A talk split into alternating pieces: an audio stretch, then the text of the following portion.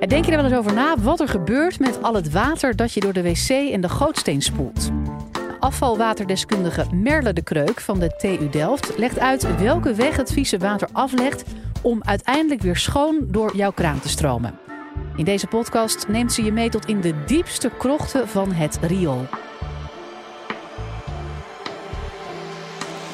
Live vanuit Club Air is dit de Universiteit van Nederland.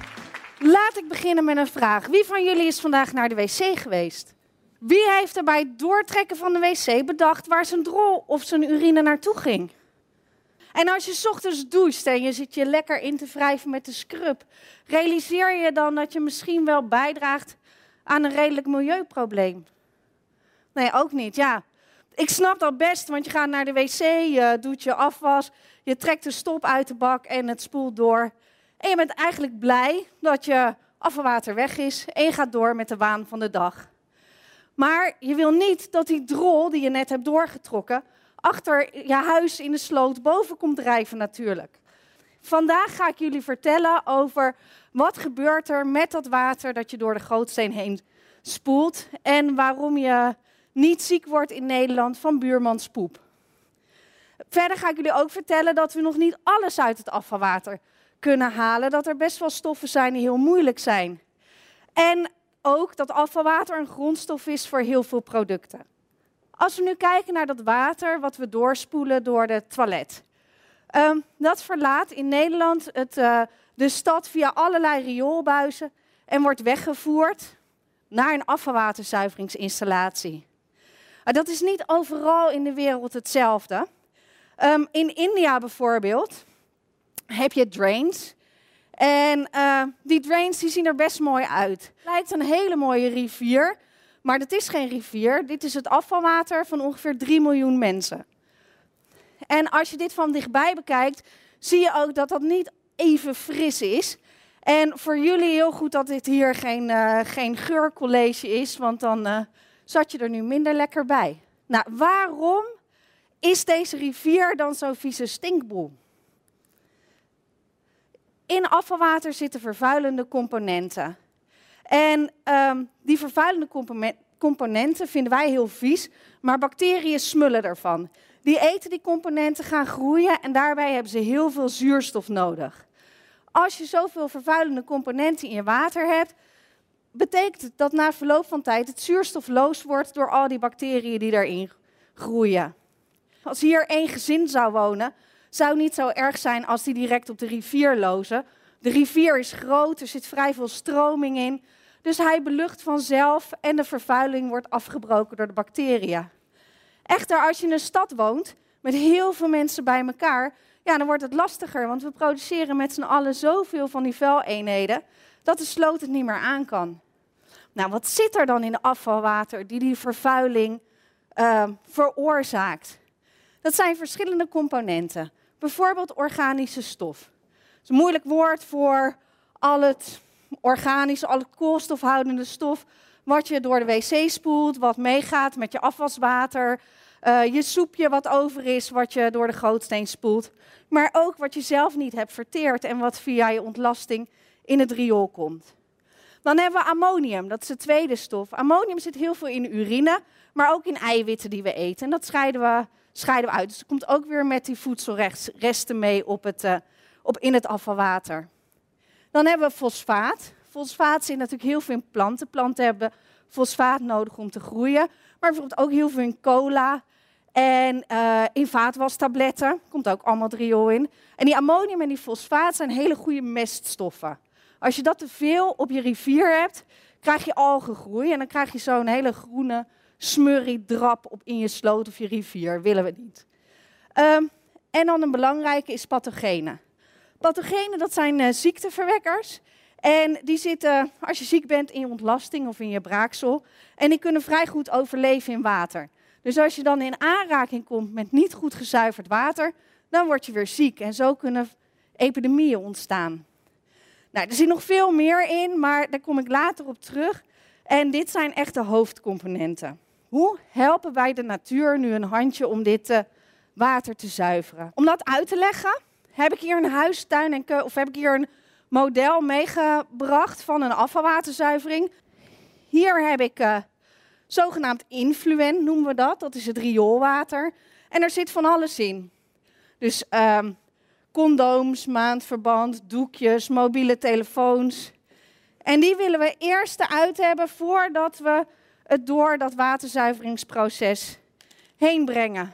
Dus die gooien we door een zeef. Die doekjes trouwens, dat zijn uh, van die schoonmaakdoekjes die heel makkelijk zijn om je wc-bril even schoon te maken. Maar die zijn van stof en die vallen niet goed uit elkaar in het water, in het riool. Dus die verzorgen voor heel veel verstopping. Dus als je nou van die doekjes gebruikt, moet je ze even in de prullenbak gooien en niet uh, door je riool sturen. Goed, die eerste stap, dat is dus die zeef. En daar blijft alles op liggen. Uh, alle grote delen. Daarna komt het in een zogenaamde voorbezinktank. In zo'n voorbezinktank stroomt het water kalm doorheen en alle grote delen kunnen dan naar de bodem zakken. Nou, hebben we het water alweer een beetje schoner gemaakt. Maar dat is niet voldoende, want we hebben al die opgeloste stof nog. Daarvoor stroomt het naar een zogenaamde actief sliptank. Um, een actief sliptank is eigenlijk, ja, dat doet het proces wat ook in de sloot gebeurt. En doordat we daar actief zuurstof in blazen, kunnen er veel meer bacteriën groeien dan in de sloot gebeurt. En kunnen al die stoffen um, omgezet worden in stikstofgas, CO2 en extra biomassa, extra bacteriën. Vanuit hier stroomt het naar een nabezinktank. En dat is eigenlijk alleen maar om te zorgen dat die bacteriën die we nodig hebben hier naar de bodem kunnen zakken en zo in het systeem blijven. Die bacteriën voeren we dan weer terug naar die tank, zodat nou ja, het blijft werken. Het water stroomt over het randje van de nabezinktank en is dan eigenlijk schoon genoeg om op de sloot te lozen. Soms willen we nog wat extra stoffen eruit halen en dan hebben we bijvoorbeeld een zandfilter die nog de laatste deeltjes eruit filtert. Nou, het effluent die uit een zuivering komt, ziet er zo uit. Dus dat is mooi helder, nog een beetje gelig, maar dat is de sloot ook. Komt door humusuren. Maar in het echt is het nog steeds niet goed genoeg om te drinken. Want um, we verwijderen wel pathogenen, ongeveer 100 keer zo weinig komt eruit dat erin zat. Maar natuurlijk niet voldoende om echt drinkwater uh, te maken. Dan is er nog een hele productiestap achter, achteraan nodig. Nou, deze zuivering is eigenlijk zoals we hem uh, 100 jaar geleden hebben uitgevonden. Is niet erg, is net als met auto's. Hadden we ook al heel lang geleden en die doen het ook nog steeds. Maar we zijn wel bezig met vernieuwingen aan te brengen. En dat komt omdat afvalwaterzuiveringen, die nemen erg veel ruimte in. Wat wij hebben gedaan bij de, uh, bij de TU, waar ik zelf ook aan heb gewerkt, is een efficiëntere afvalwaterzuivering maken. En dat hebben we gedaan door de biomassa, om die in korreltjes te laten groeien. En dan kan je zien dat die korreltjes veel sneller naar beneden zakken dan het actief slip waardoor je die middelste tanks niet meer nodig hebt. Nou, nu we weten hoe je beter en sneller kan zuiveren, kan je afvragen, halen we dan alles daaruit? Nou, helaas niet. Wat gaat er dan moeilijk uit? Dat zijn bijvoorbeeld medicijnresten.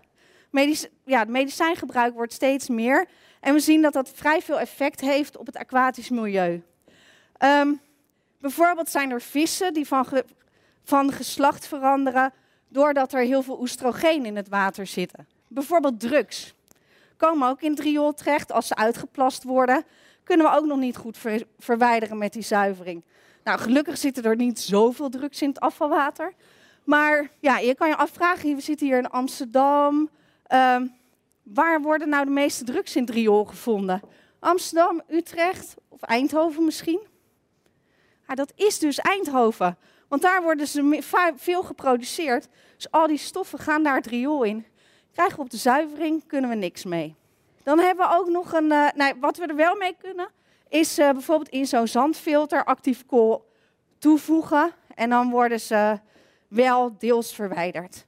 Zelf doe ik een inventarisatie naar microplastics. En deze stoffen die gaan me echt aan het hart. Dat zijn kleine plastic deeltjes die als ze in het aquatisch milieu komen, zich gedragen als plankton. En dit onderzoek heeft uitgewezen als een vissenlarve plankton kan eten of plastic deeltjes, eet ze eigenlijk liever plastic deeltjes. Nou ja, dat is natuurlijk uh, heel naar, want die hebben geen voedingswaarde. Terwijl die vis wel een vol gevoel heeft. Uh, mosselen, die, uh, die doen dat ook. En zo komen die plastic deeltjes in de voedselketen terecht. Nou, de plastic soep kennen we allemaal. Dat zijn visnetten, touwen, plastic zakken die in de zee drijven. En die zijn relatief makkelijk uit het water te halen. Maar die kleine plastic deeltjes, ja, eigenlijk niet. Die kunnen we er niet uitfilteren. Die deeltjes die zitten in scrubs, zoals ik in het begin al zei. Maar ook je vliestrui, als je die in de was gooit, komen die vezeltjes los en die komen in het rioolwater. Um, in tandpasta zitten ze ook. Ja, waarom weet ik ook niet, maar dat schijnt je tanden lekker te polijsten. Um, ook kleine plastic stukjes die met de afwas meegaan, komen zo ook in het riool terecht. Nou, in deze zuivering kunnen we ongeveer 90% van die plastic deeltjes verwijderen. Maar die laatste 10% gaat toch de sloot in. In Nederland betekent dat, als je het even heel snel uitrekent met heel veel aannames, dat we ongeveer 400 kilo per dag in de sloot gooien. 400 kilo plastic. Dat zijn ongeveer 100.000 van dit soort plastic bekertjes per dag in Nederland. Ah, best wel zorgelijk eigenlijk. Dus waar ik nu onderzoek naar doe, is om te kijken hoe we van die 90% verwijdering tot 99 of liefst 100% verwijdering komen. Maar ja, na al deze ellende wil ik jullie heel graag een mooi toekomstbeeld geven. Rioolwater is ook een grondstof. Um, je kan, er zit bijvoorbeeld heel veel fosfaat in rioolwater. En dat is uh, nodig voor kunstmest. En dat kan je daaruit halen door te laten neerslaan. En dan krijg je struviet. En dan kan je zo op je tuin gebruiken.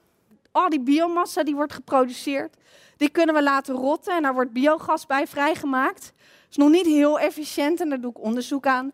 Hoe we de maximale potentie van die biomassa, van die biogas eruit kunnen krijgen. En wat dachten jullie van wc-papier?